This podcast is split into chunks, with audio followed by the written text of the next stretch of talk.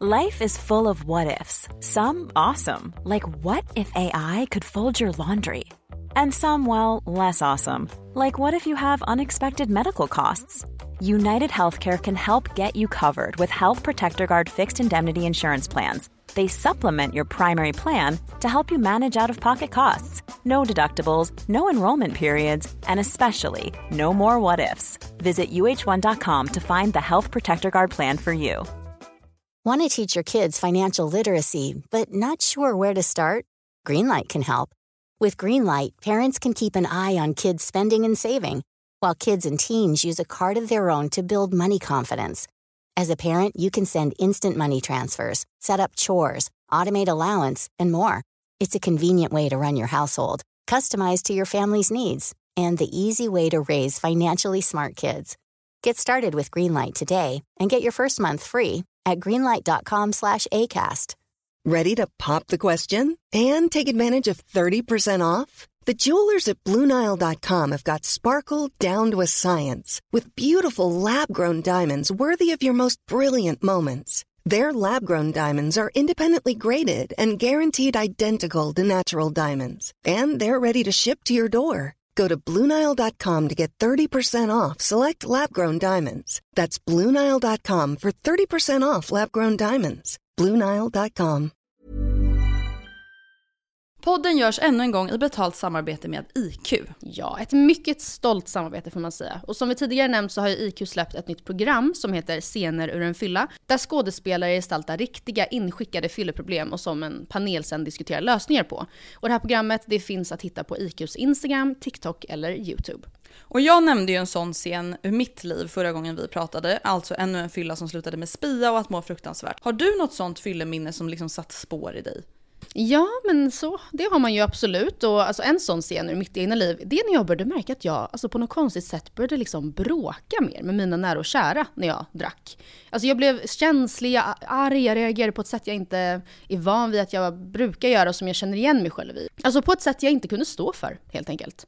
Och det där är du verkligen inte ensam om. Jag tror att det där är tyvärr exakt en sån sak som man lätt typ normaliserar. Att så här, fylla är lika med kaos. Mm.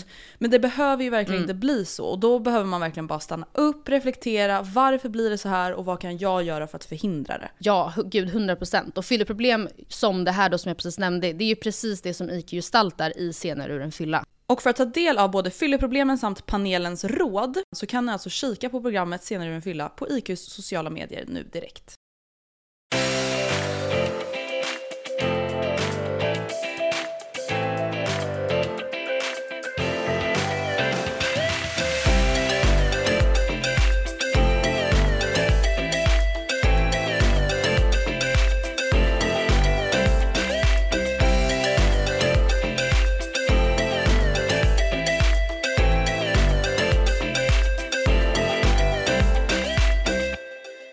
Allesammans och välkomna till avsnitt nummer 136 av Matilda och Andrea punkt. Matilda och Andrea prov? Nej, punkt! Punkt, jaha, jag bara okej. Okay. Ja, eh, varmt för er som, välkomna. Precis, för er som inte har märkt det, jag hoppas att det mm. har uppdaterats hos alla nu, mm. men så har vi tagit bort bloggpodd ur namnet. Vi är väck bloggpodd nu. Efter, a, efter alla dessa år, Andrea. Ja men gud. Så sjukt. Och det roliga är att jag typ så gjorde det, alltså jag skulle typ ändra en grej i ett poddavsnitt och sen så bara ja. kom jag in på typ så här någonting annat och sen så bara aha, här det kanske jag kan ta bort. Men ja som sagt och vi måste ju ta en ny poddbild för att det står ju fortfarande ja. bloggpodd där men whatever jag ville bara säga det för att jag är glad. Ja vi måste verkligen göra det. Mm, gud. Men ja. du innan vi sätter igång så vill mm. jag bara tacka alla er för den fina responsen vi fick förra veckan. Alltså det är ju väldigt hemskt den responsen vi fick. Alltså den var snäll mot oss eller vi blev glada. Men alltså oh my god Matilda. Ja jag vet. Efter att jag du vet. berättade ja. din historia om sexuell, mm. sexuella trakasserier. Mm. Alltså vi fick så många mail. Alltså så hemska saker ja. som ni har varit med om. Som, alltså det gjorde mig så fruktansvärt ledsen. Ja. Alltså verkligen. Och på ett sätt känns det som, men gud vad, liksom, vad whinar jag om? Det där var ju ingenting jämfört med det här och det här. Men det som var typ budskapet var ju att man ska an, eller liksom anmäla allt. Ingenting är okej som inte känns okej. Nej. Nej men, men det känns bara så hemskt att det liksom händer att det verkligen händer. Att det inte bara är liksom historier eller rykten. Alltså så här, det händer faktiskt. Ja men det här var så, alltså, verkligen ett kvitto på att så här, vi bara pratade lite snabbt om någonting vi själva upplevt. Och det är roligt, Ja. vi har säkert upplevt flera sådana här saker som vi Mm. inte ens har tagit upp och när vi gjorde det, alltså det var så många som lättade på sina hjärtan att jag blev så här: Oh my god, alltså jag är så glad över att folk vågar göra det och att de Ja. liksom informerar oss ännu mer om hur verkligheten verkligen ser ut. Men, Men alltså jag blev så så jävla ja. ledsen också. Ja, jag vet. Jo, men jag vet. Det var verkligen hemskt. Men någonting som var kul, eller alltså det är ju hemskt att det ska behöva vara så, men någonting som jag skrattade åt när jag läste det, det var att en tjej, hon mejlade in och så, jag, hon, jag tror hon skrev om, eh, jag kom, det spelar ingen roll vad hon skrev men hon skrev i varje fall i början att så här, ah, nej men och på tal om det där som Matilda sa, jag blev så, alltså jag kände sån viderkänsla i hela kroppen att jag var också tvungen att mejla SL om det där. älskar henne. Alltså inte om något som hon har varit med om utan hon mejlade också SL och bara jag har hört att det här har hänt och det är inte okej. Alltså och det är ju jätterätt men jag skrattade bara. Alltså det var, Mm, det var kul, glad. whatever. Ja, men det, alltså, det är ju girl power tycker jag. Att vi backar varandra. Det är sant. Och Ja. inför att vi börjar, påbörjade det här poddavsnittet, vi Mm. bara okej vi måste gå pang på rödbetan om vi ska hinna prata om allting som vi vill prata Mm. om idag. Så att nu går vi pang på rödbetan och som ni hörde förra veckan så ska vi prata om mycket om preventivmedel. Ja. Och om sex och abort och allting däremellan. Men alltså grejen, först tänkte jag så här, jag bara okej det känns typ jättetråkigt att prata om preventivmedel. Men när jag själv börjar tänka efter, alltså jag vill höra allt det finns att säga om preventivmedel. Jag själv känner att jag liksom är vilse i en djungel. ja. Och vi fick sjukt mycket mail, alltså så många mail att det var verkligen har varit jobbigt att sitta och alltså scrolla, vi har inte ens hunnit läsa alla. Nej, med folks vet. egna historier om när de försökte hitta rätt alltså, pre- preventivmedel som har varit fel för dem. Alltså, så här, Mm. Det verkar vara ett ämne som ni själva verkligen vill veta mer om. Samtidigt som jag ändå trodde att, eh, att eh, man får ganska bra upplysning idag. Alltså, jag vet inte. Jag tänkte att ja, men det här är något som de flesta har koll på hyfsat bra. Men så är det tydligen inte. Och när jag läste på, för jag har faktiskt gjort lite research, alltså gjort ganska mycket research i förhållande till andra avsnitt inför det här, den här inspelningen. Och jag, det var, det var många grejer som jag bara, men gud. Eller som jag liksom, jaha är det så? Så att uppenbarligen så, man kan kanske grunderna men inte så mycket mer. Typ. Nej men precis, alltså om jag säger så här. En, alltså inför det här avsnittet när jag gjorde research Mm. fick jag reda på ett helt nytt preventivmedel. Jag kommer till Va? det sen. Alltså jag visste inte ens att det fanns. Oj. Så att ja. Men i alla fall, jag tänker att vi Intressant. börjar så här. Kan inte Mm. du berätta vilka preventivmedel du har använt? Jo, Alltså alla olika du har använt. mm. Ehm, jag har använt dagen efter-piller. Vilket Mm. är ja, ett piller man tar dag, dagarna efter. Jag vet inte om det är max fem dagar efter samlag. Eh, Ja, alltså jag tror det. dock inte att det riktigt klassas som preventivmedel. Men Gör det alltså väl? nej jag tror mer det är som en typ tidig eh, Alltså att det Abort. avbryter en graviditet. Du ska inte använda dagen efter piller som ett preventivmedel. Alltså du ska Nej det inte ta ska det man ofta inte. liksom inte. Nej det ska man inte. Ah, ja whatever. Ah, ja men Ja. ja. Eh, kondom, eh, minipiller, p-piller och Har du använt minipiller? Ja, alltså innan jag började med p-piller så hade jag typ minipiller i tre månader. Bara för att de är tydligen, det är mindre hormoner i dem. Så att för att biverkningarna, om vilka det nu skulle bli, inte skulle komma som en jättechock för kroppen typ. Mm. Och sen slutligen så har jag nu en hormonspiral. Och den ska vi alldeles strax prata mer om. Jag, tänker, jag kan bara läsa här om dagen efter piller så att vi bara Mm, klargör ja, det. Eh, det står så här, ska inte användas som preventivmedel. Många kvinnor kan tyvärr se dagen efter piller som ett preventivmedel vilket absolut inte bör göra. Ett dagen efter piller är även kallat akut p-piller och ska endast ta, tas när det skett misstag och i nödfall när du är orolig för en oönskad graviditet. Ja, jag, Det är alltså fatt- som en ja. mega tidig abort. För jag fattar ju att man inte ska använda det som preventivmedel men jag trodde ändå att det räknades som ett preventivmedel. Förstår du vad jag menar? Ja, det spelar Ja ingen alltså roll. det är ju typ det indirekt. Ja. Men som, precis ja. som du sa, man ska ju inte använda det som ett preventivmedel. Nej, det ska bara användas om det liksom är så här. Eh, fuck kondomen typ sprack eller fuck jag glömde att jag hade missat ett p-piller eller just det jag hade ju fan diarré för två dagar sedan så att mitt p-piller verkar inte ens längre. Mm, det. Det är typ sådana situationer man ska ta det. Vad har du haft för, PP, eller för preventivmedel? För p-piller. Jag har faktiskt bara använt mig av kondom och p-piller. Mm. Eh, Jag har använt lite olika p-piller men eh, jag personligen har ju inte märkt någon skillnad Nej. efter de olika p-pillerna. Ett av dem, jag kommer inte ihåg namn, mådde jag Mm. dock väldigt illa av. Mhm. Alltså sjukt illa så jag var tvungen att byta. Mhm. Så det var väldigt Konstigt jobbigt men det är att det kan faktiskt... bli så ändå alltså. alltså så att, för det är ju på riktigt. Det är inte bara så här att man blir hypokondrisk och bara alltså gud jag känner mig typ lite svullen. Utan man kan ju verkligen få liksom från, från över en månad kan man utveckla jättemycket akne och man kan verkligen gå upp i vikt och liksom man kan verkligen få humörsvängningar. Det är, det är läskigt på något sätt nästan. Mm, usch, alltså, ja, jag inte, men det är faktiskt allting jag har använt. Men Mm. anledningen till att jag också tycker att det här med pr- alltså, prata preventivmedel känns aktuellt är för att jag vill ju verkligen byta. Ja, jag visst- tycker, ja. efter att ha gjort research, jag tycker att det känns väldigt, väldigt hemskt, läskigt obehagligt att stoppa i ett, alltså ett piller som jag sväljer i min kropp varje dag. Mm. Alltså jag tycker det känns jättekonstigt. Och så här, även när man läser på så ser man ju att så här, p-piller, alltså för att rätt mängd hormon ska nå livmodern så måste du Mm. svälja väldigt mycket hormon som sprids ut på andra ställen i kroppen för att liksom just rätt mängd ska nå hela vägen Mm. Exakt. fram. Ja, och Så det är också det därför som det är vanligt att man får biverkningar när man äter p-piller. För att de här hormonerna når inte bara livmodern utan hela kroppen. Det går liksom ut i blodet typ. Ja och nu känner jag bara så här. Ett, en sak som jag verkligen tror är en biverkning av mina p-piller. Det är ju, alltså jag har ju ont i huvudet varje dag. Ja. Alltså varje dag. Det spelar ingen roll. Och det är så här, då har min, min ögonläkare sagt och min läkare bara, men det är ju för att du måste använda glasögon när du sitter framför datan. Men alltså Matilda, jag har ont i huvudet även om jag inte kollat på en dator på tre dagar när jag vaknar. Men en fråga. Ja. Är det, får du ont i huvudet medan du äter p-pillerna eller är det snarare så att du får ont i huvudet de veckorna som du inte äter p-pillerna eller äter sockerpillerna för att ha mens? Eller ser du Nej något alltså jag har ont i huvudet hela tiden. Inget Hela mönster. tiden bara? Hela Okej. tiden. Ja. Och alltså det jobbiga är ju just att jag har vanlig huvudvärk typ när jag äter p-piller. Och sen när jag har mens så får jag ju ofta migrän.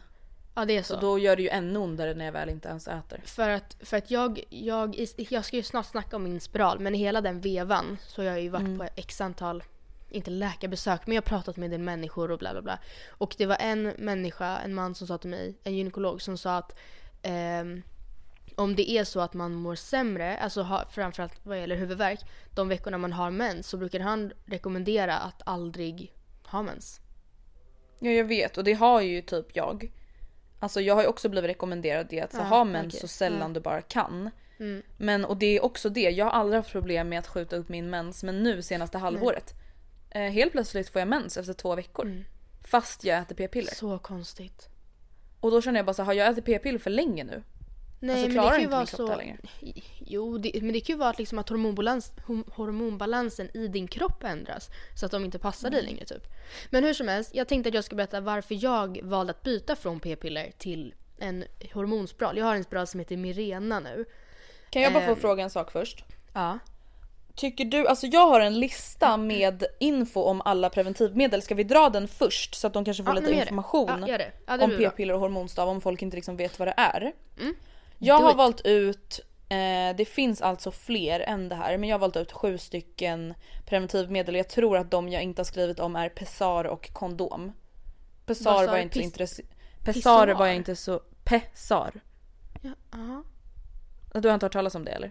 Nej. Jaha. ja, ja men jag vet inte, det är typ, jag fattar inte riktigt det där. Jag tyckte inte det var så intressant så jag sket i den och sen kondom ska alla använda och det är den enda som skyddar mot könssjukdomar och det vet alla. Ja. Ja. Men preventivmedel 1. Hormonspiral.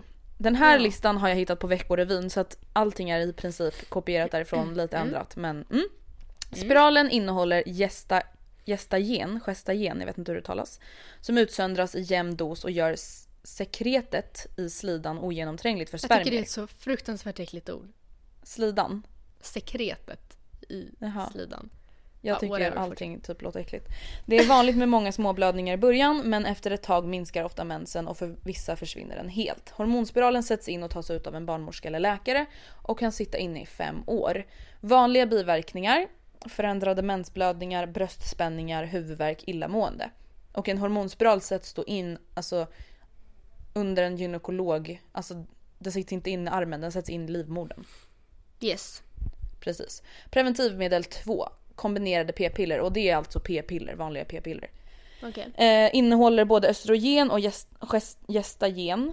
Eller jag antar att det är det vanliga p-piller. Men i alla fall. Som Ja, gör att ägglossningen uteblir. Du tar ett piller varje dag och gör sedan uppehåll en vecka för att sen börja om på nytt.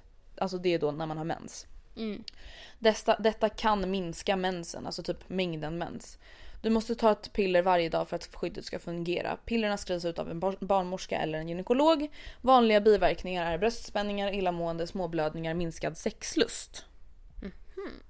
Det är någonting som de har kommit fram till nu på senare år som inte många vet om.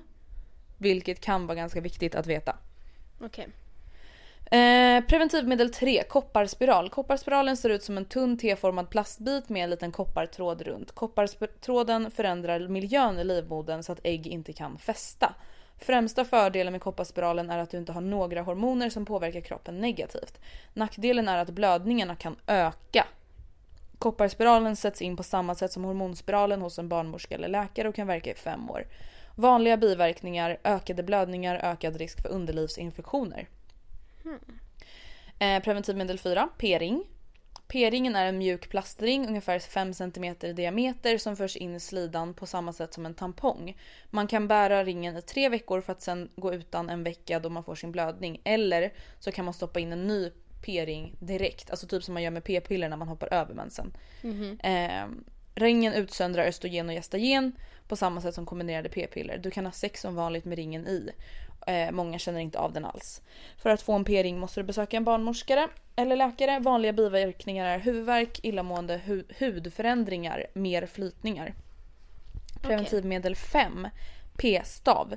P-stav är en eller två små silikonstavar som förs in under huden på överarmens insida. Staven kan sitta och verka i 3-5 år. Staven utsöndrar en liten dos gestagen. Alltså nu vet jag att folk typ kommer skratta åt mig om jag nu uttalar det här fel. Säger det 10 000 gånger. Gestagen! Gestagen Ja typ. De bara gestagen säger man. Och jag bara gestagen. Ja. Eh, varje dag gör miljön i slidan ogästvänlig för spermier. Ägglossningen blir glesare och kan upphöra helt. Många får oregelbundna blödningar. Eftersom du slipper tänka på staven och får en jämn, jämn dos varje dag är detta ett väldigt säkert preventivmedel. Staven sätts in av en barnmorska eller läkare. Vanliga biverkningar huvudvärk, akne, bröstspänningar, viktökning och oregelbundna mens- mensblödningar. Nu kom jag på en till grej som jag inte tog med och det var p-plåster. Som det finns också. Men det här visste inte jag fanns. Okej. P-spruta. Va? Jag visste verkligen inte att det här fanns och nu känner jag bara så här: this is what I want. För jag, Är ska inte säga, sant? jag ska inte säga att jag älskar sprutor men jag har inga Nej. problem med sprutor. Nej men berätta, berätta om p-sprutan. men lyssna på det här, det börjar inte bra. Rekommenderas ej till yngre.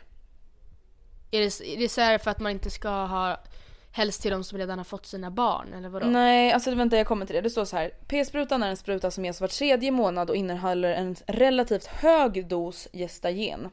Effekten blir en upphörd ägglossning och förändrad mens. P-sprutan rekommenderas inte till yngre kvinnor eftersom den påverkar benmassan och dessutom kan få mensen ur balans en lång tid efter att man slutat med läkemedlet. Du måste gå till barnmorska eller läkare för att få varje dos. Rekommenderas inte till dig under 19 år. Du måste gå till en barnmorska eller läkare varje gång.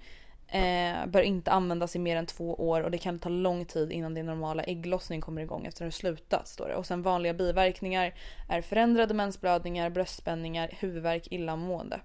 Varför vill du ha det här? För att jag vågar inte stoppa upp någonting i min livmoder och jag vill inte ha en p-stav för då börjar jag må illa av tanken att känna staven i min arm. Jag hatar p-piller. P-plåster litar Men alltså en fråga, p-sprutan, vart tas den? Den tas, tas väl förmodligen också typ i armen och då går det ju också ut i Nej, jag tror rumpan snarare. I, alltså in i anus. Nej, nej, alltså i, nej, i muskeln tror jag. Alltså man brukar ju ofta sätta såna där starka sprutor i rump, alltså skinkmuskeln. Jaha. De bara det här kan sticka lite. Jag bara oh shit Sherlock. Ja, tredje punkterade min ändtarm. Ja. Oh my god! Okej, ja men bra research preventiv, det sista preventivmedlet är, och det här är ju lite delade meningar om det här räknas som ett preventivmedel eller inte. Och det är p-dator. Genom att ta tempen vid samma tidpunkt varje dag kan man se när ägglossningen sker eftersom, man då får en temperaturhöjning. P-dator kallas också för fertil, fertilitetsdator och är ett bra hjälpmedel om man vill bli gravid. Vill man undvika graviditet måste denna metod kombineras med kondom eller pessar står det på en hemsida. Men sen finns det ju de som påstår att du inte behöver kombinera Nej, precis. Och jag, då, min första fråga lyder innan du får berätta om din hormon. Skulle du våga använda dig av en typ sån här app? Nej, alltså nej, jag, grejen är inte nu. Om jag är typ så här runt 30-35 och det är så här, skulle det bli barn nu så är inte det världens katastrof. Då är det ödet och gud vad härligt typ, absolut. Men när, som det är nu då skulle jag inte våga lita på alltså, att jag tar tempen och att det utvisar eller så, ja, så, ja, om jag ändå ska använda kondom eller något annat också så fattar jag inte varför man ens ska ha det överhuvudtaget. Då kan jag väl lika gärna bara använda kondom. Ja men verkligen. Alltså jag, jag litar tyvärr inte på det där. Det är ju många som säger att det funkar för dem. Och det är Ja. väl jättebra men alltså jag vågar inte chansa. Jag tänker inte chansa Nej, det är på det- att få det är det en jag menar. unge. Tänk om man chansar och det inte funkar och så är man 20 år och mamma ofrivilligt, eller inte ofrivilligt men liksom utan att man hade velat det liksom. Ja, det är det ju nog inte så kul. Nej. Okej men nu Mm. har då alla fått lite information om sju stycken preventivmedel. Mm. Och nu har ju du berättat att du har haft minipiller, p-piller och nu har en hormonspiral. Hur kom Mm. det sig att du till slut sköt in en hormonspiral in i din Sköt in med en Men bazooka. Nej men så här var det. Jag eh, åt p-piller som heter, jag har alltid sagt Soli men sen så gick jag till, till ungdomsmottagningen och de bara Sueli och jag bara oh. Men så Soli eller Sueli eller vad de nu heter. Ehm, och det har funkat jättebra för mig. Jag bytte från Prionell till Soli för att jag inte kunde hoppa över mensen för typ två år sedan. Och sen jag bytt så har det funkat jättebra allting. Eh, men sen så har ju jag ehm, inte fått det diagnostiserat men jag hade framförallt under gymnasiet problem med ögonmigrän eller migrän med aura. Och jag behöver inte, jag kan inte ens förklara vad det betyder. Man får googla om man tror att man har det. Men det är kort sammanfattat ska man kunna säga att man får en, ehm, en beläggning på synen eller vad man säger. Man ser typ ingenting innan huvudvärken kommer eller i samband med att huvudvärken kommer eller bla bla bla.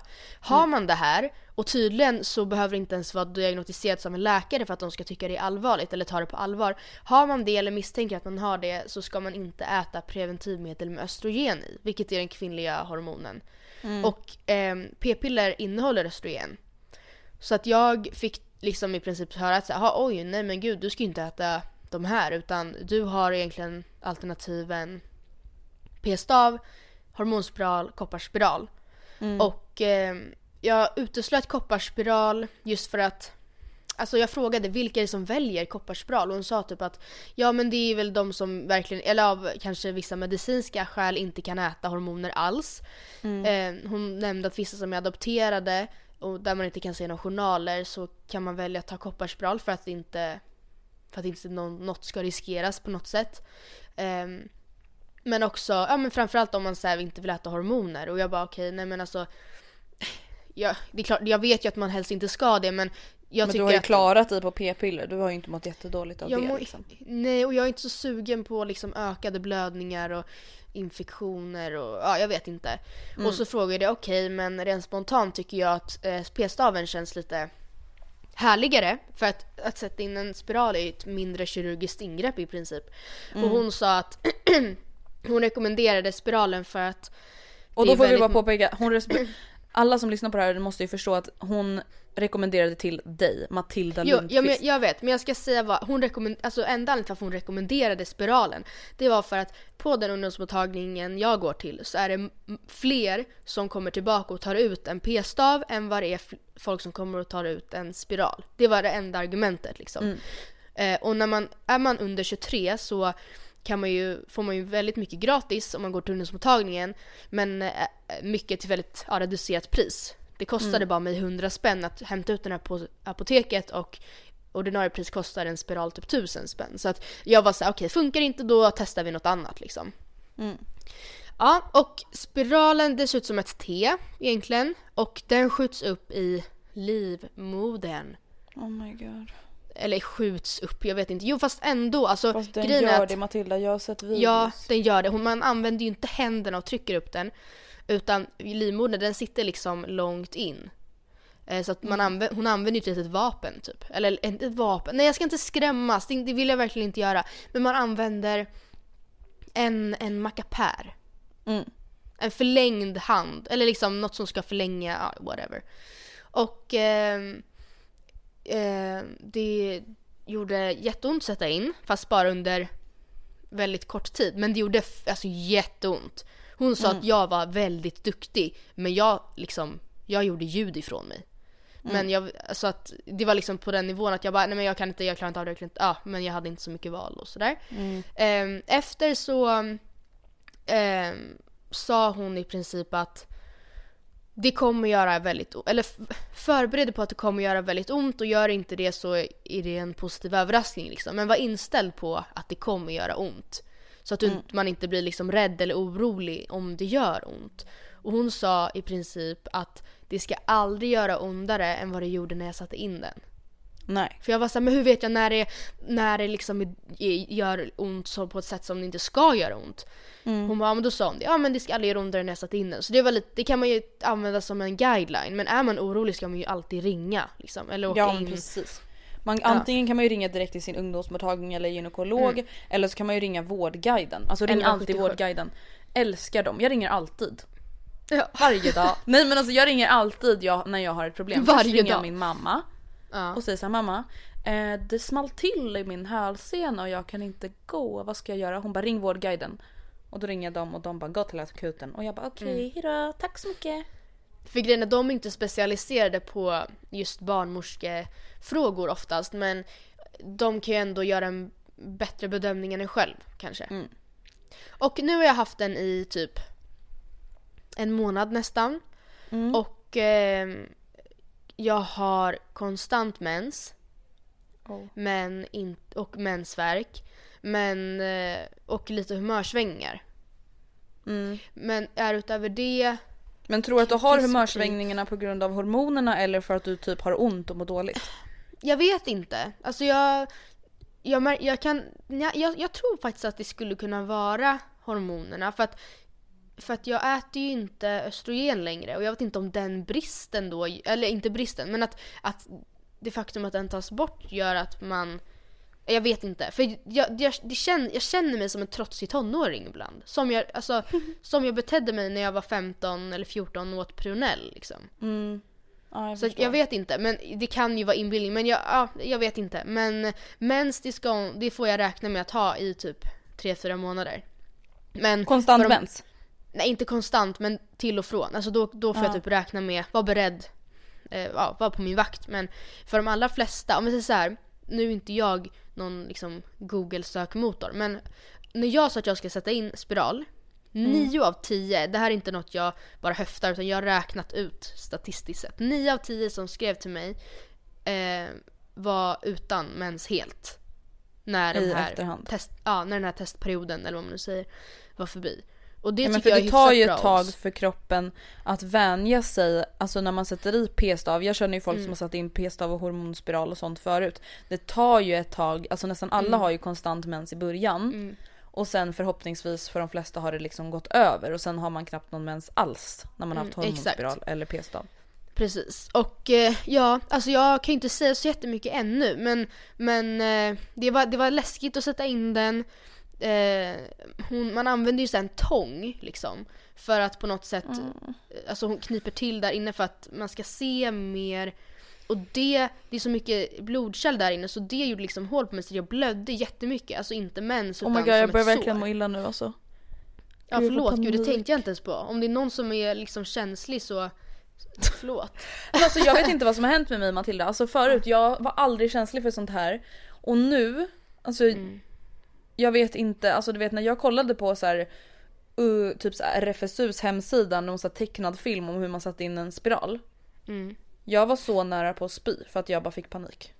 Men alltså samtidigt Andrea, jag tror, jag tror det absolut kan vara ett bra alternativ för dig. Om du inte vill äta hormoner för att hormonspiralen innehåller mycket, mycket mindre hormon och till skillnad från p-piller eller p-stav så sätts ju, alltså hormonerna hamnar direkt i livmodern där de ska vara. Jag vet men jag är så rädd för att sätta Men in den och sen är det här Men Andrea, p-stav. det är över på hela besöket, det är över på 10 minuter. Jag vet men alltså Och det gjorde och sen kände jag så här, jätteont och okej det var p-stav. Ja. Det är mycket enklare att sätta in men alltså jag kan inte leva med tanken av att så här, kunna känna en Nej. stav. Alltså, Under du vet att halva anledningen till att jag ville ta ut min piercing i naveln var Mm. för att jag mådde så Aha. illa att jag var tvungen, nästan tvungen att spy varje gång jag kände staven genom huden. Alltså jag fick panik. Ja, Och jag något som var väldigt obehagligt med själva insättningen som jag kom på nu, det är att utöver att man har tagit liksom en Ipren och en Alvedon en timme innan man ska sätta in för att bedöva smärta liksom, Mm. så sprayade hon även ett så bedövningsspray inuti mig. Och hon bara, What? typ på livmodern, eller livmodertappen, livmoderhalsen, jag vet inte vad det heter. Och hon sa liksom att hon, oj, förlåt. hon bara det här kommer svida lite. Och jag bara okej. Och Alltså, det kändes verkligen som när man liksom har ett, ett, ehm, ett skrapsår som svider. Eller du vet man har halkat på innebandy Ja i men golvet alltså, man och bara vill inte ha ett glidit. skrapsår i mutti. Nej, i muttis. Och inte ens i muttis utan där man brukar ha mensvärk fast inuti. För livmoder, det är ju Nej men alltså Matilda alltså det är det här, nu börjar jag, alltså nu börjar snurra i mitt huvud alltså. Men, men också Andrea, ärligt talat, alltså, då får du värdera att känna den smärtan, eller det obehagliga svidet och en förlossningsverk när de sätter in den. Eller att, ja men för det är tydligen motsvarande det. Och smärtorna efter kan man också tydligen jämföra med förlossningsverkar. Så att prepare to have pain. Men samtidigt som det är nog, alltså om man inte vill äta hormoner eller om man av andra anledningar, till exempel migrän, inte får äta östrogen så än så länge så kan jag typ rekommendera det alltså. Jag vet inte, det är klart att det suger att ha mens. Jag hade typ aldrig mens när jag åt p-piller men jag hoppas ju på att jag kommer bli utan mens sen. Ja det är ju faktiskt sant. Men jag är fortfarande, tycker fortfarande tanken på att Alltså nu är jag ett kontrollfreak. Jag tyckte det var så skönt med p-piller att jag vet när mensjäveln kommer. I princip. Ibland kan någonting jag kroppen också känner. Spela en spratt liksom. Men rent generellt så kunde jag bestämma att okej nej vänta det är Va- Valentine's nästa helg. Ja då ska jag ju skjuta upp mensen för jag vill inte ha mens då. Nu är jag så här, okej då sätter vi på fintrosorna och håller tummarna på att det inte kommer idag. Typ. Alltså och det tycker jag känns jobbigt. Alltså jag vet inte. Samtidigt som, ja jag vet inte. Just för att alltså, när du har typ en spiral då, det är inte så att det kommer komma en gång i månaden på samma dag. Att man så här, kan Nej. vara halvt beredd. Tror jag i alla fall. Alltså, så har hon sa att det kunde vara så. Det, hon, det kunde vara så. Men då måste vill jag jag hålla, räkning. Jag bara, kan inte jag bara få välja? Men eh, jag vet inte, samtidigt så här, jag hade inte så mycket val. Jag fick inte äta p-piller längre. Så att jag, ja. Jag vet men och då känner jag bara så här, jag har aldrig i hela mitt liv att jag skulle offra p-piller om det betyder att jag kommer behöva mens en gång i alltså, månaden. Nej, Alltså nu Nej, du som inte har några. Alltså, egentliga problem. Ditt problem är att du tycker det känns jobbigt att stoppa i dig piller. Vilket jag fattar verkligen. Men Mm. om, ja, om, nej, det funkar ju för dig och det finns ju egentligen ingen anledning att, för dig att sluta. Förstår du vad jag menar? Nej. Men alltså när du var på ungdomsmottagningen första gången, alltså hade du någon så här idé om vad du typ skulle ha då? För att när jag gick dit första gången, jag bara jag vill typ ha p-stav. De bara lilla gumman du ska nog börja med p-piller. Jag bara okej. Alltså menar du när jag gick dit första gången eller när jag gick dit nu? Nej första gången. Nej, det, jag tror jag... Eh, nej, jag, jag kommer inte ihåg. Jag vet ju att jag... Jag tror jag berättat där i podden att jag ringde min mamma. Jag satte mig, jag skämdes så mycket och det ska man såklart inte göra.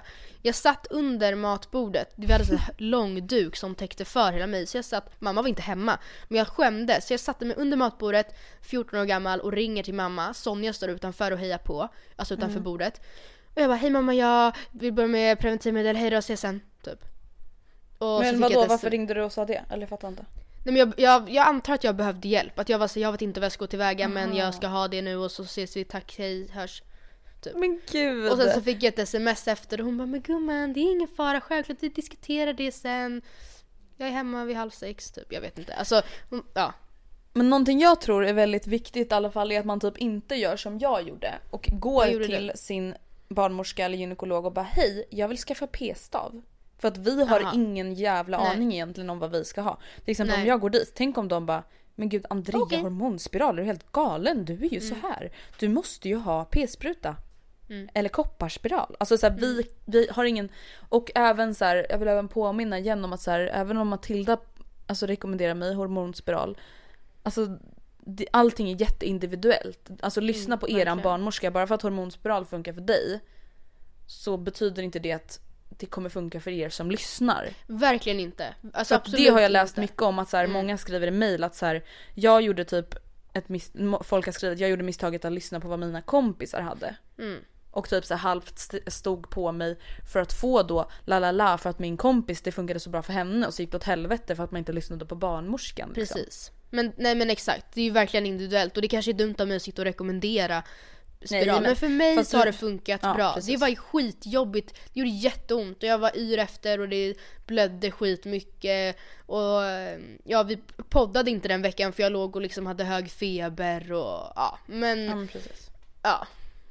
Okej, men jag har fått, vi har fått ett mail om eh, p-piller. Med, Mm. Okej. Och det här fick vi faktiskt flera mail om och därför, alltså det här är inte så jättepeppigt och jätteroligt. Men jag tänker att vi måste ändå ta upp det här för det här var någonting som jag inte ens visste fanns. Okej. Och det här är tydligen typ ett ganska så här stort problem. Som då inte många vet om. Och då står det så här. Hej! Jag är 22 år och har blivit drabbad av diagnosen, nu vet jag inte heller om jag uttalar det här rätt, men vestibulit Ja det är tror jag rätt. uttalas som. På grund av p-piller när jag började käka när jag var 14 år gammal. Vestibulit innebär i princip sköra slemhinnor där aktiviteter som samlag, främst penetrerande, cykling, ridning och att sitta på en stol för länge eller annat där underlivet får tryck på sig gör att man får väldigt, väldigt ont. Vid de brutalaste fallen har vestibulit vid de brutalaste fallen vestibulit har man oftast ont konstant i underlivet utan beröring. Jag fick vestibulit för att jag käkade p-piller, alltså men det fick jag inte en endaste varning om. Det är jag än idag drabbad av och kan inte idag utföra samlag utan att måste använda bedövningskräm. Alltså det här känns ju väldigt allvarligt. Vestibulit jag finns det ingen läkare är. som vet hur man ska behandla så vården har inte Mm. hjälpt ett dugg. Vet inte om detta är intressant för er att ta upp i er podd men jag hade gärna blivit varnad om detta när jag skulle välja vilket preventivmedel jag skulle ha. Mm. Läs mer om detta på tjejjouren, tjejer är bäst har hon skrivit. Och Mm. när jag började googla efter att jag läste det här, alltså det här Mm. är verkligen ett Jag problem. vet. Ja. Jag har Och- också hört talas om det. Jag vet inte vart, det är säkert från någon sån här kropp och knopp sida. Alltså så här, något i den stilen. Men jag har också hört att det verkligen gör så jävla ont. Framförallt ja, när man tror jag har också sex. att det kan men... finnas alltså, så här, lindrigare fall men att så här, Ja. det är inte kul att så här, på grund av att man har börjat äta p-piller helt plötsligt så här, Nej. Varje gång man ska ha sex gör det jätteont och man måste använda jätte, jätte, jättemycket glidmedel för att man inte typ halvt ska börja gråta. Alltså det är ju Mm. inte kul. Nej. Ja, alltså jag vet inte, jag tyckte bara att det var viktigt att ta upp just för att Ja så så här, är det ju. Verkligen. I didn't even know. Nej men precis. Och sen ska man ju heller inte noja upp sig och bara okej, ja men då utesluter jag det för att jag vill inte ha vestibulit. Det är, ju- alltså, men det är väl Nej, bra att liksom det, veta så att- Now's the time to save 30% on wedding jewelry, only on BlueNile.com. Make sure your wedding ring is the one with your pick of diamond and lab grown diamond bands, all hand finished and graded for excellence. Or surprise her with something blue she'll love for life, like a stunning pair of sapphire earrings. Blue Nile's jewelry experts are available 24 7 to help, from fit questions to style advice. Right now, get up to 30% off at BlueNile.com. BlueNile.com. Cool fact a crocodile can't stick out its tongue. Also, you can get health insurance for a month or just under a year in some states. United Healthcare short term insurance plans, underwritten by Golden Rule Insurance Company, offer flexible, budget friendly coverage for you. Learn more at uh1.com. Since 2013, Bombas has donated over 100 million socks, underwear, and t shirts to those facing homelessness. If we counted those on air, this ad would last over 1,157 days. But if we counted the time it takes to make a donation possible, it would take just a few clicks. Because every time you make a purchase, Bombas donates an item to someone who needs it. Go to bombas.com slash ACAST and use code ACAST for 20% off your first purchase. That's bombas.com slash ACAST, code ACAST. Podden sponsras av Storytel och nu ska jag berätta en grej som gjorde mig riktigt glad Matilda. berätta. Om du gillar musikdokumentärer i ljudboksformat samt Way Out West så ska ni spetsa öronen. Okej, okej. Tell I me. sommar så är det ju då som vanligt dags för Way Out West, en festival som jag själv varit på flera gånger och älskat. Och inför årets upplaga av festivalen så har Storytel tagit fram On the Road som är en Storytel Original dokumentärserie med fem artistporträtt från 2024 års lineup. Aha, okej. Gud så spännande. Vilka artister kan man lyssna om då? då? Man kan lyssna på avsnitt om Benjamin Ingrosso, Sara Klang, Fred Again, Andre 3000 och Annika Norlin. Serien finns alltså då bara att lyssna på hos Storytel. Okej, ja, nej, alltså jag måste säga att jag älskar när man får lära känna liksom, ja, men artisterna, få en inblick i hur deras musik skapas och sådär. Och av de du sa nu så är jag mest taggad på att lyssna på avsnittet om Benjamin Ingrosso tror jag. Ladda ner Storytel för att ladda upp inför Way Out West. On the Road finns ute att lyssna på nu. alla, nej och jag har inte heller det. Men det är ju bra att veta vilka ja, men liksom risker det finns. De informerar ju ganska tydligt om att man inte får ha blodproppar eller någon form av hjärtproblem i släkten om man ska äta p-piller för att den risken är högre om man äter p-piller. Men, Mm, eh. Men, men och, och då får man inte, då får man ju ta, inte med en nypa salt, men då får man inte gå därifrån och anta att så här, Gud, jag vet väl inte om min morfars morfar hade hjärtproblem eller inte. Nu kanske jag får hjärt- blodpropp. Alltså, men de, det är ändå bra att veta, typ. Precis. Har du någon mail om eh, preventivmedel? Eh, nej, det har jag inte. Men vet du vad? Då tycker jag vi börjar prata om en annan sak. Mm. Som egentligen har med det här att göra och det är ju abort. Och som vi sa förra veckan så har varken du eller jag erfarenhet av det här. Tyvärr i erfarenhetssyfte men ganska skönt i privatsyfte. Mm. Och därför har ju vi bett er att, för, men det vi kände var så här, det är jätteviktigt att vi pratar om det här. Ja, och grejen är att abort i sig tycker inte jag att vi behöver så här argumentera så mycket för. Jag tror både du och jag tycker att det är som självklarhet att varje kvinna har rätt att bestämma över sin egen kropp. Och man ska aldrig känna att man blir gravid och känna att man behöver behålla barnet för någon annans skull. För att pojkvännen säger att men, älskling, du är jag mot världen. Eller att någon liksom mamma inte ser alla sidor på graviditeten och känner att gud nu har jag redan sagt till alla kollegor att jag ska bli mormor. Alltså man ska verkligen Eller- exakt, ja. Eller för att man skäms. För att man ska inte skämmas över Nej. att göra abort. Och det Nej, och tror det jag gör- är ja. ett av de största problemen. Att folk är så här. Att det fortfarande ligger någon så här skam över att vilja göra abort, att ha, gör, ha gjort Mm. abort. Och det gör mig jätteledsen att ha läst delvis nu när ni har skickat in men också jag har fått höra sen innan av bekanta eller kompisars kompisar att när de faktiskt har varit och gjort abort att de har fått dåligt bemötande av människorna på abortkliniken. Det tycker jag också är svintråkigt för de jobbar ju med det här. De Ja, måste det ju jobba med det för att de stödjer det tänker jag. Annars skulle man väl aldrig liksom söka jobb på en abortklinik om man är emot abort eller vill sätta dit alla som kommer dit och liksom ja, stackars det här barnets syskon, då dödade du syskonet. Ja, så kan det gå. Attingen, ja ja, det var ju ganska omoget men hoppas du, då får du inte ha sex med. Eller alltså, nej. Oavsett anledning så har man man har ju enligt lag i Sverige rätt att göra abort. Så jag tycker inte det ska vara ens något att frå- ifrågasätta. Eller förstår du vad jag menar? Det är på samma sätt som det inte ska vara pinsamt eller jobbigt eller konstigt att anmäla sexuellt ofredande eller liksom, ja, vad, vad som helst som det också finns lagar och regler kring. Nej men precis. Okej, här kommer lite kort fakta om abort från Socialstyrelsen och det här är då Okej. statistikfakta. I Sverige utförs årligen mellan 35 000 och 38 000 aborter. År 2015 utfördes ungefär 38 000 aborter. Eh, det motsvarar 20,9 aborter per tusen kvinnor i åldern ni- 15 till 44 år. De flesta aborterna utförs i tidig graviditet. Under 2015 utfördes 90, 93% av aborterna före vecka 12 och 83% före vecka 9. Medicinsk metod är vanligast och användes vid 91% av alla aborter 2015. Och då tänkte jag bara berätta lite snabbt vad de här olika var, alltså abortmetoderna är Metoderna. för något. Mm. För det finns då enligt den researchen jag har gjort tre stycken olika sätt. Okej. Och då finns det först medicinsk abort. Innebär att du får, först får ta tabletter som blockerar graviditetshormon. Två, tre dagar senare får du ett medel som framkallar sammandragningar i livmodern. Vilket i sin tur leder till missfall. Medicinsk abort kan göra till och med vecka 9. Så det är alltså den vanligaste aborten i Sverige. Mm. Sen finns det då kirurgisk abort innebär att läkaren gör en så kallad skrapning av livmodern. Den görs på sjukhus under narkos eller lokalbedövning. Kirurgisk abort kan göra till och med vecka 12. Och sen finns det då tvåstegsmetoden, används vid abort efter den tolfte veckan. Den görs på sjukhus och liksom vid tidig medicinsk abort ges tabletter som framkallar ett missfall. Efter det kan också behövas göra en skrapning. Framgår det ifall när man tar det första pillret och det blir ett missfall, ifall ja, då väl barnet dött?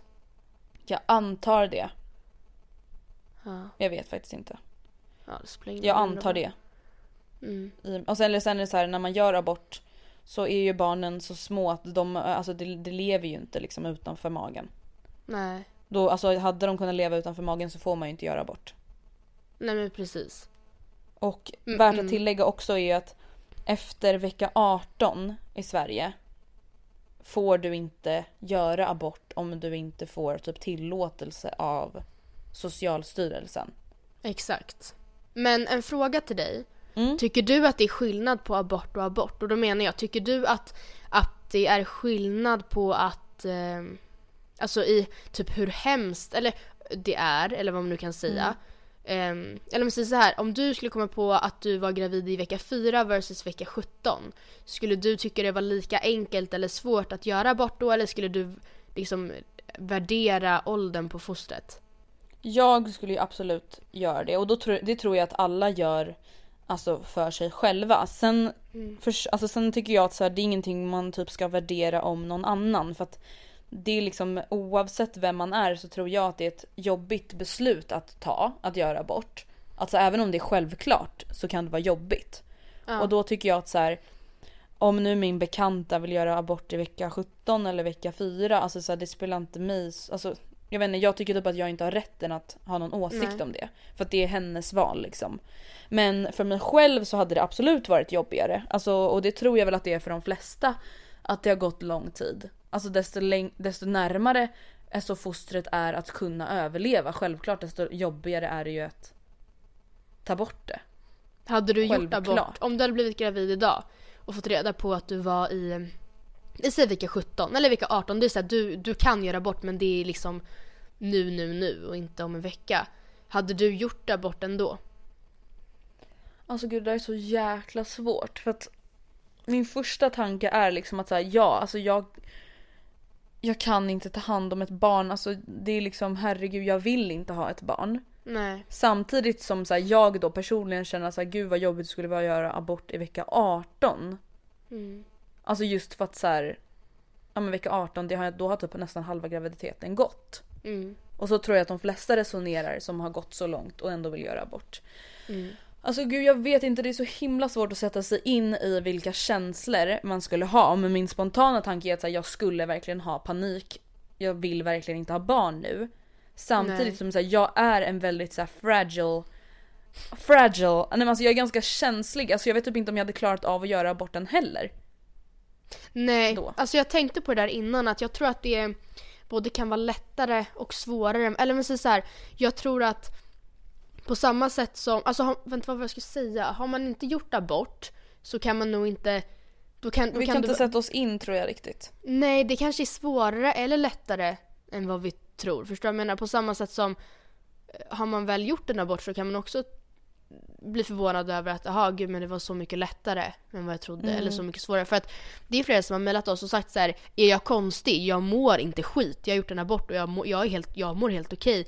Jag sitter inte och gråter. Alla frågar hur jobbigt det är och jag säger typ att så här, det är inte så jobbigt och känner mig som ett freak. Och det är också viktigt att komma ihåg att och det behöver inte betyda att man är känslokall eller att man kanske bara känner en sån enorm lättnad över att man faktiskt kom på grav- graviditeten, att man gjorde abort.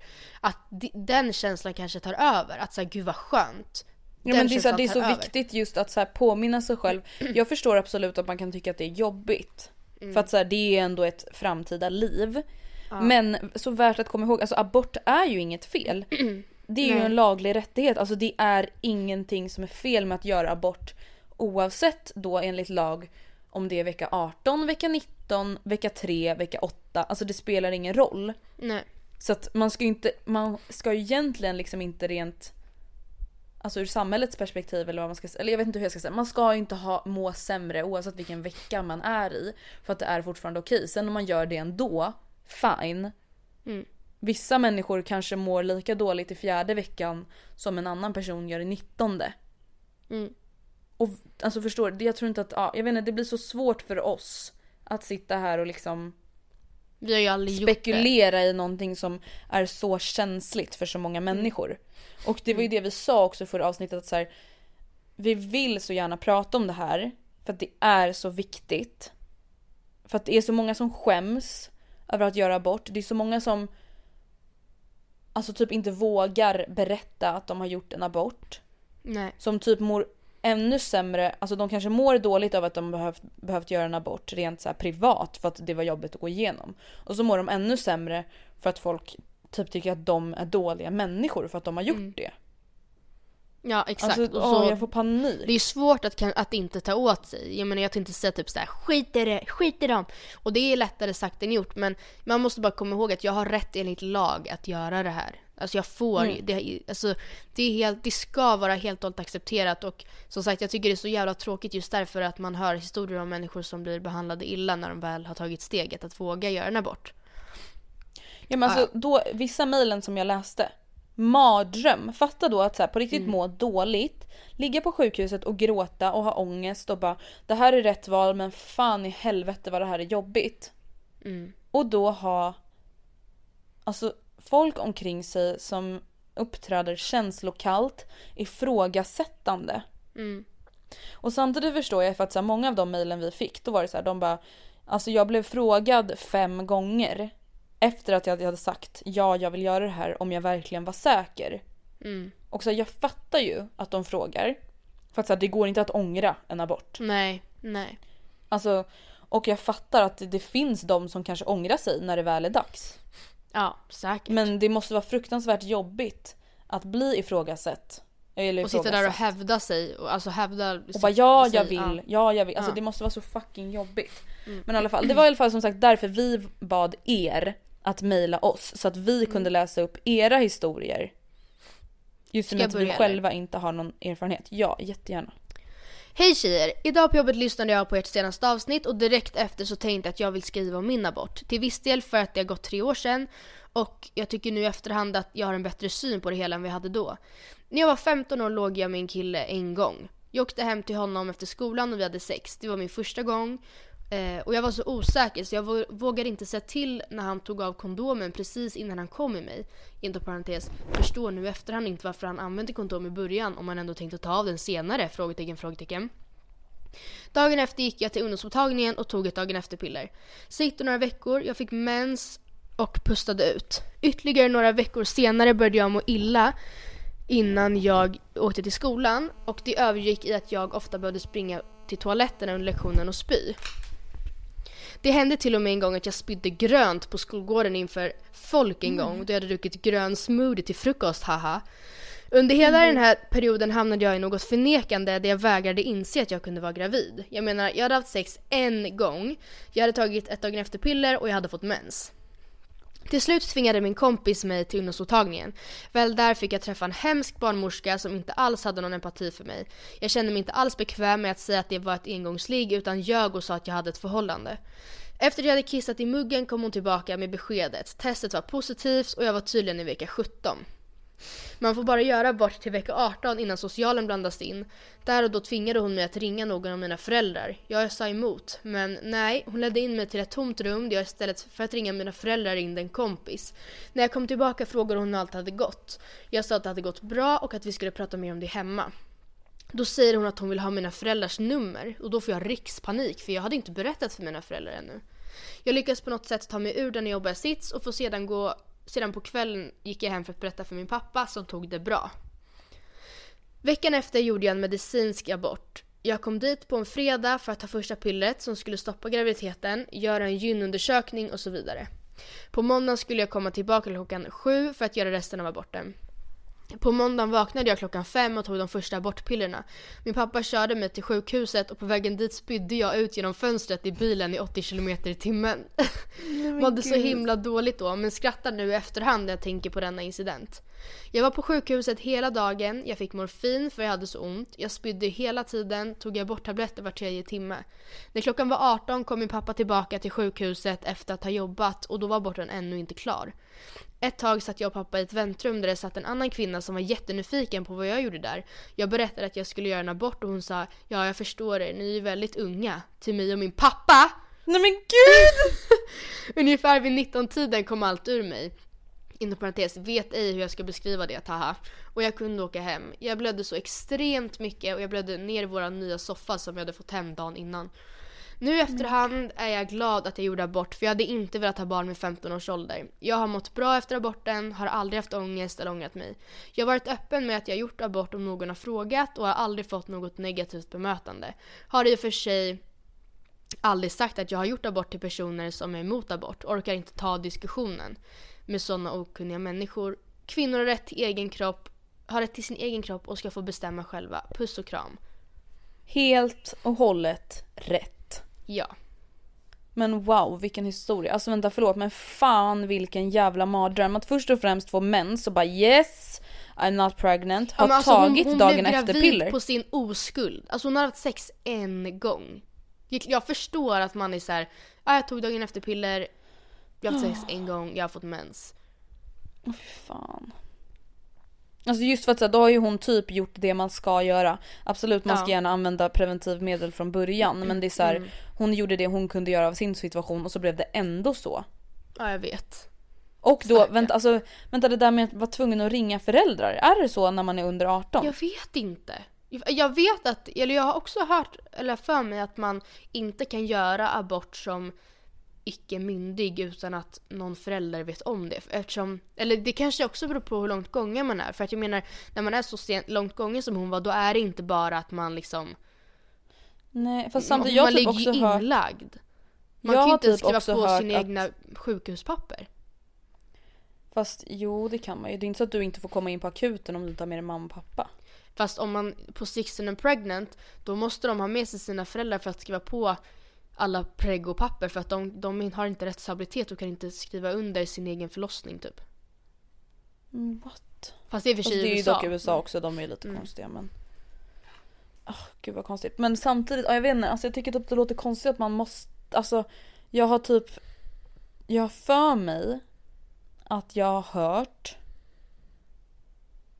att man, alltså det räcker med att du har med dig någon som är, alltså som är myndig. Det behöver inte vara dina föräldrar men Alltså jag vet inte fan, jag försöker hitta någon information här. Jag vet inte. Samtidigt så kan jag fatta att man, alltså de ska ju absolut inte tvinga, men jag kan förstå att de kanske uppmuntrar till att eh, ja men gå, hem och gå gärna hem och berätta det här för mamma och pappa ikväll för att eftersom man är så långt gången. Förstår du vad jag menar? Så, att det så liksom... här står det. Mm. Det finns i Sverige ingen åldersgräns för att göra abort men om det är under 18 bör föräldrarna veta om det. Mm, Har du men det det speciella menar. skäl så går det dock att hålla aborten hemlig även för föräldrarna. Mm.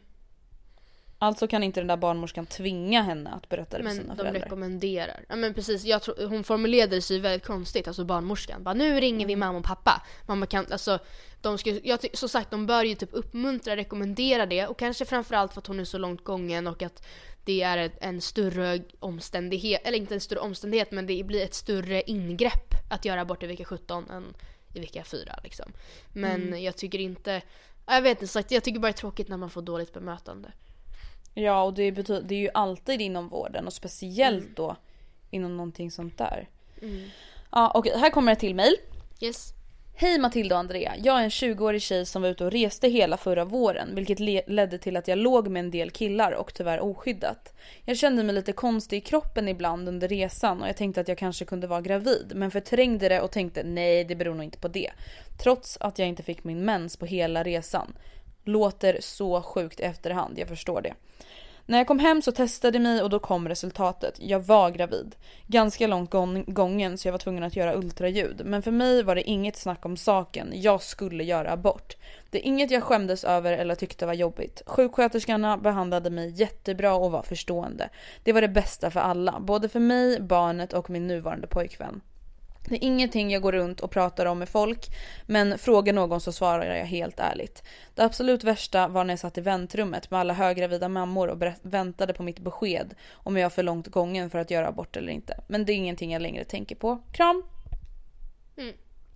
Och det där var ju ett skönt mail för att vi fattar ju att här, många av de som mejlade var ju de som har haft lite så här, lite väldigt jobbiga aborter. Och det är, så här, det är ju som typ med alla så här, historier eller omdömen man har. Självklart man lämnar ju ett omdöme på en restaurang om man tycker att det var hemskt. Ja. Det är inte så ofta man bara säger så här, hej jag tyckte faktiskt att det var ganska trevligt. Tack, hejdå. Nej och men det även borde man kanske göra oftare. För att ja. jag, vet ju, jag vet ju själv när jag jobbade i serviceyrke, det är ju inte samma grej att jobba inom vården som i en eh, matbutik. Men att de kunderna, alltså när man fick höra något sånt, något lite personligt, att de såg de såg att man försökte så gjorde mm. det väldigt mycket och det gjorde att jag behandlade nästa kund och kunden efter det, kunden efter det lika bra liksom. Mm. Samtidigt som att ta emot kritik, det måste man ju kunna göra. Men jag menar, och det ska man ju kunna ge. Men jag menar bara det, kan, det är lika viktigt att, att ge komplimanger eller att uppmuntra det bra som att kommentera det negativa. Så att man kanske ja. måste vara mer noga med då att liksom återkoppla till den här kliniken och säga att ah, men jag vill bara säga det, tack så jättemycket. Eh, jag var jättenervös och jag är så ung och liksom och jag är bara så tacksam över att ni tog emot mig så bra. Typ. Mm. Men jag menar också bara att så här, jag, ville, jag ville ta upp det här mejlet nu för att även om vi fick jättemånga mejl som var väldigt så fint skrivna och väldigt känslosamma mm. så vill ju inte vi heller bara läsa upp de mejlen med folk som har haft det jättejobbigt. Nej, verkligen inte. Sen är det så här, det är ingen som har, det är ingen som har mejlat tror jag av de vi har läst och skrivit att de ångrar sin abort. Nej det är inte. Bara att det har varit det. jobbigt. Och det förstår jag. Alltså det mm. förstår jag. Verkligen. Ja. Okej men nu har vi då alltså pratat om preventivmedel, abort och nu känner jag att vi borde ta upp någonting annat. Precis. Som också egentligen behövs pratas mer om. Så man typ tänker att så här, men man pratar om det här i skolan, folk har koll. Men samtidigt när man pratar med sina tjejkompisar, det känns inte som att folk har koll. Nej. Och sen, och det, vi pratar om könssjukdomar kan jag ju mm. först och främst säga. Och samtidigt så vill ju inte vi, eftersom vi inte är utbildade och inte vill felcitera på något sätt så om man har några funderingar ska man ju såklart kolla med sin skolsyster, någon förälder, någon kompis, en ungdomsmottagning, man kan ringa 1177. Mm. Um, och liksom, ja men ja, för det, jag tänkte inte att vi skulle gå igenom så jättemycket vad det finns för könssjukdomar. Eh, mm. Utan jag har mer lite så här, just för att, dels för att jag hoppas att många har grundkoll. Jag hoppas det. Jag hoppas eh, att man liksom vet att, ja men precis så här, de vanligaste i Sverige är väl klamydia, gonorré och är det herpes? Eller mm, jag tror syfilis? Det. Ja. ja men ja det är typ de där fyra då, I guess. Ja. Och syfilis det är mest eh, homosexuella män som får. Eh, klamydia det är väl lite allt möjligt som får och herpes då kan man ha antingen munherpes eller könsherpes. Och det är mm. två olika saker. Eh, ja, och man kan testa sig för de här sjukdomarna gratis på ungdomsmottagningen kan vi tillägga. Och man kan antingen komma på drop-in-tider eller eh, boka tid. Och man kan också göra graviditetstest, graviditetstest på ungdomsmottagningen eh, gratis. De kostar mm. typ så här 110 kronor annars på apoteket. Och, eh, men vill man göra det gratis så kan man som sagt gå till ungdomsmottagningen. Men yes. jag tänkte, ja först har jag tre liksom snabba, tre snabba om klamydia. För klamydia är den könssjukdomen i Sverige med störst spridning. Mm. Um, ja. Mm. Punkt nummer ett. Varje år insjuknar, eller det vill säga diagnostiseras, eh, ungefär 30 000 i klamydia. Åh oh, jävlar. Och det är förmodligen många, ett, det, ja, det finns förmodligen fler men som ja. inte testar sig eller som inte får reda på, eller ja du, ja, du förstår vad jag menar. För att många kan ju gå länge, kanske väldigt länge utan att få några symptom. Ja. Men 30 000 ja, liksom får medicin varje år. För klamydia. Um, har man sex med någon som har klamydia så mm. har man ungefär 80% risk att bli smittad. Så risken är ganska hög att smi bli smittad om man har oskyddat sex med någon som har klamydia. Ja. Och nummer tre, man är enligt lag skyldig att testa sig. För att klamydia och gonorré eh, räknas också som någon form av Alltså de har sån infektion, de kan liksom påverka framförallt kvinnans äggledare och äggstockar väldigt mycket. Så att man, enligt lag så är man skyldig att testa sig. Och man Men alltså också vad menar du? Skyldig att testa sig? Är jag skyldig att testa mig? Ja, alltså ja, de, de rekommenderar att man ska testa sig liksom var tredje månad oavsett. Men man är också enligt lag skyldig att, att sp- göra ett spårnings... Vad säger man? Spårnings... Fast Matilda, nu tror jag att det låter lite konstigt. Nu låter det som att alla människor i hela Sverige enligt lag måste varje månad gå och testa sig för klamydia. Det är väl om du typ tror att du har klamydia eller om du har Ja, fått ett brev. ja. Absolut. Ja, Ja, ja, ja. Det Ehm, framgick inte riktigt. Ja, nej men alltså det är klart man ska ju testa sig men enligt lag så är man skyldig att testa sig Ja men vad sa du, om man får ett brev eller om man misstänker att man har. Ja men precis. Eller Ja. om man vet att man har haft sex med någon som man vet har klamydia så är man skyldig enligt lag att testa sig. Och man är skyldig att, alltså sen det finns ju ing, man kommer inte få böter om man inte gör det. För att man kan ju inte kontrollera det men det kan vara bra i åtanke att man verkligen bör testa sig om man har några misstankar. Ja absolut. Och eh, ja, helt enkelt. Och sen det var så... tre fakta om klamydia. Tre fun facts! Sen Ja, sa jag två facts. grejer som jag, kom, som jag läste under tiden som jag researchade som jag inte visste sen innan. Som jag också tänkte att det här kanske kan vara intressant att veta. För just för att ja, men mycket, de här grundgrejerna hoppas jag ändå att man har hyfsat koll på. Liksom hur, Mm. hur det smittar och det kan smitta liksom både via mun och eh, nedre regionerna och sådär. Mm. Eh, det, däremot kan jag tillägga att det smittar ju inte via typ offentliga toaletter. Det är Nej. inte så att man säger gud jag måste spraya, jag har alltid med mig desi- handdesinfektionsspray så det kan spraya toalettsitsarna så alla klamydiabaciller dör. Så är det ju inte. Nej. Vet du hur det är i vatten? Eh, Typ en pool? Eh, det smittar inte. Inte? Nej. Okej, Nope. någonting som jag läste ehm, Mm. är att urinvägsinfektion Ja. i vissa läkares ögon uppfattas som en könssjukdom. Men anledningen till varför det inte är så många som tycker det är en könssjukdom är för att alltså, man får tydligen oftast urinvägsinfektion i samband med samlag. Men Ja. inte för att ena partnern smittar den andra. Och det är därför som det inte... Utan man får det istället för att liksom bacillerna blandas och det kommer in bakterier i urinröret, framförallt på tjejen oftast.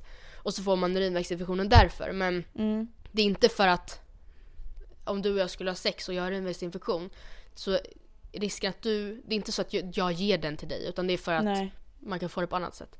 Det visste okej. inte jag. Nej det visste inte jag heller. Och sen eh, om man, det här kan vara bra att veta om man är gravid.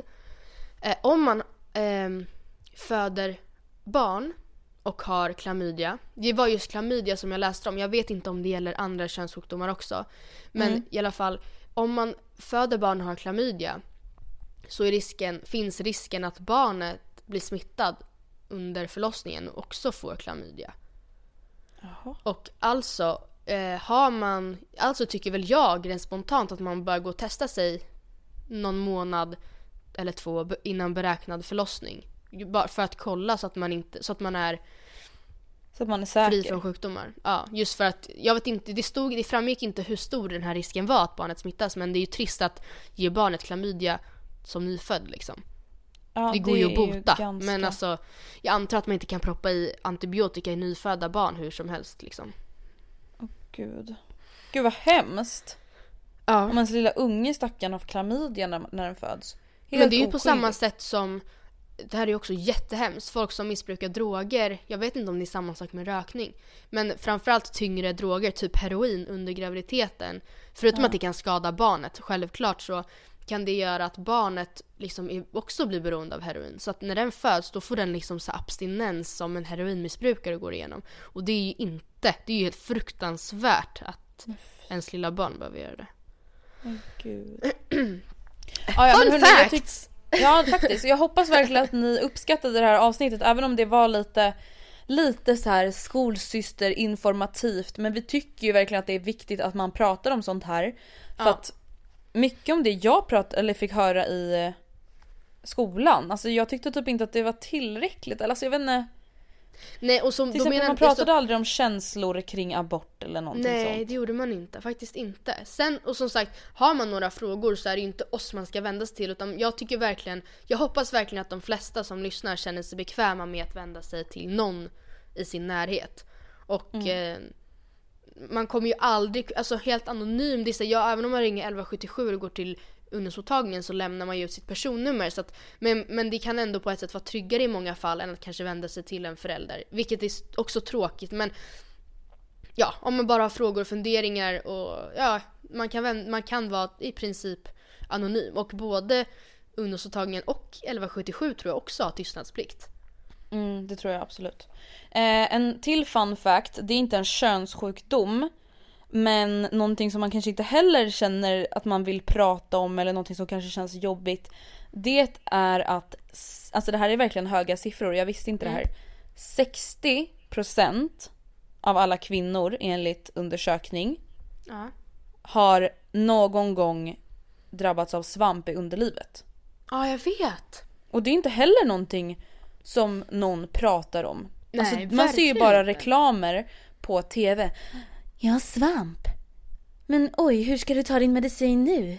Nej, jag sväljer bara ett piller här i bilen. Mm, ja. Ja men det är ju all information man någonsin Ja. fått om svamp i underlivet. ja, faktiskt. Nej men alltså helt ärligt, det pratade man ju inte heller om i skolan. Nej. Alltså det är, så här, det är ju inte kopplat till sex. Nej, Men det är ju fortfarande någonting man inte pratar om. vanligt. Ja. Ja men fatta 60% Matilda. Ja men det är jättemycket. Det är alltså mer än hälften. Ja mer än precis. varannan. Mer än varannan människa, oavsett alltså vad de säger, har haft svamp i alla fall minst en gång. Mm. Det är liksom, jag vet alltså jag tycker, jag blir typ så provocerad av att sånt här, att 2016 så liksom pratar man inte om sånt här. Nej, verkligen. Att det typ fortfarande är lite så här tabu. Det är så svamp Ja, det är i underlivet, det är ingenting, alltså folk som får det, när man får det, det är inte att man har gjort något fel. Nej det är inte det att det växer en massa mossa nere i underlivet och att det liksom ploppar ut champinjoner utan att det, att det är äckligt Nej. eller att det är smutsigt. Det har inte ens med det att göra. Man kan ju fan få svamp för att man tvättar sig för mycket. Alltså Ja. det, det är liksom, det har ingenting med det att göra och det är också viktigt för det låter ju, det är ett konstigt ord tycker jag. Det är ett dumt ord Ja. för att det låter äckligt. Eller det är liksom svamp, ja men det låter ju som någon mögel typ och det är verkligen inte det. Nej, och alltså till exempel en sak som jag fick höra när jag skulle äta um, antibiotika en gång. Det var att så här, de bara bara så du vet det är jätte, jättevanligt att få svampinfektion när man äter antibiotika för att antibiotika slår ut bakterier och har en tendens att slå ut typ i princip alla bakterier, även även goda bakterier. Och i Har du haft underlivet, svamp någon gång? ja jag har haft svamp en gång och det var då när jag fick antibiotika. Mm. Och det, och det var väldigt skönt att de sa till mig då innan, bara så du vet det här kan hända. Mm. För att annars hade jag ju säkert fått panik och inte ens fattat vad problemet var. Så då kunde jag ju Nej. Mm. åtgärda det väldigt snabbt. Men att till exempel en sån sak, det är så här, jag visste inte heller det. Alltså Nej jag vet. varför vet man inte sånt? För att ingen pratar om det. Nej, nej. Verkligen. Och det är ju så här, det är ingenting man ska liksom skämmas över. Nej Precis det finns som på inget samma att bort. skämmas över. Precis på samma sätt så man ska inte skämmas över att man använder preventivmedel. Det är flera som till exempel har mejlat oss om att så här, hej jag är så här gammal, jag vågar inte berätta för mina kompisar att jag äter p-piller. Jätte, bara, jättesynd för att det är verkligen ingenting Det är moget att äta, det är jätteansvarsfullt att äta p-piller om man är sexuellt aktiv. Det är absolut mognaste man kan göra. Att, alltså ärligt talat, jag tycker att det är Alltså om man har sex regelbundet eller kanske inte ens regelbundet men att man vet att man har en gång ibland så kan det ju vara en så mycket mer, alltså, skönare trygghet att veta att man, är, att man är safe än att behöva gå runt med kondomer liksom. Ja men precis och så här, att ta ansvar det är inte, Pinsamt. alltså nej verkligen inte, det är tvärtom. Och att det fortfarande är liksom, det är inte fel att vilja göra abort. Nej. Absolut. Det är inte fel att ha en, alltså skäms inte att du, över att du har en könssjukdom, ja det suger och är säkert Ja. jättejobbigt. Men skäms inte över det, alltså ta tag i det. Sök hjälp Absolut. och våga prata om det så kanske du och dina kompisar kan liksom utbyta stöd, information, tips, whatever. Mm. Ja, vi hoppas i alla fall som sagt att ni tyckte att veckans avsnitt var roligt även om det var lite annorlunda. Precis. Det är viktigt att prata om det. Mm, det är det. Och så hörs vi igen nästa vecka! Det gör vi! Puss och kram, skumbanan! Skumbanan!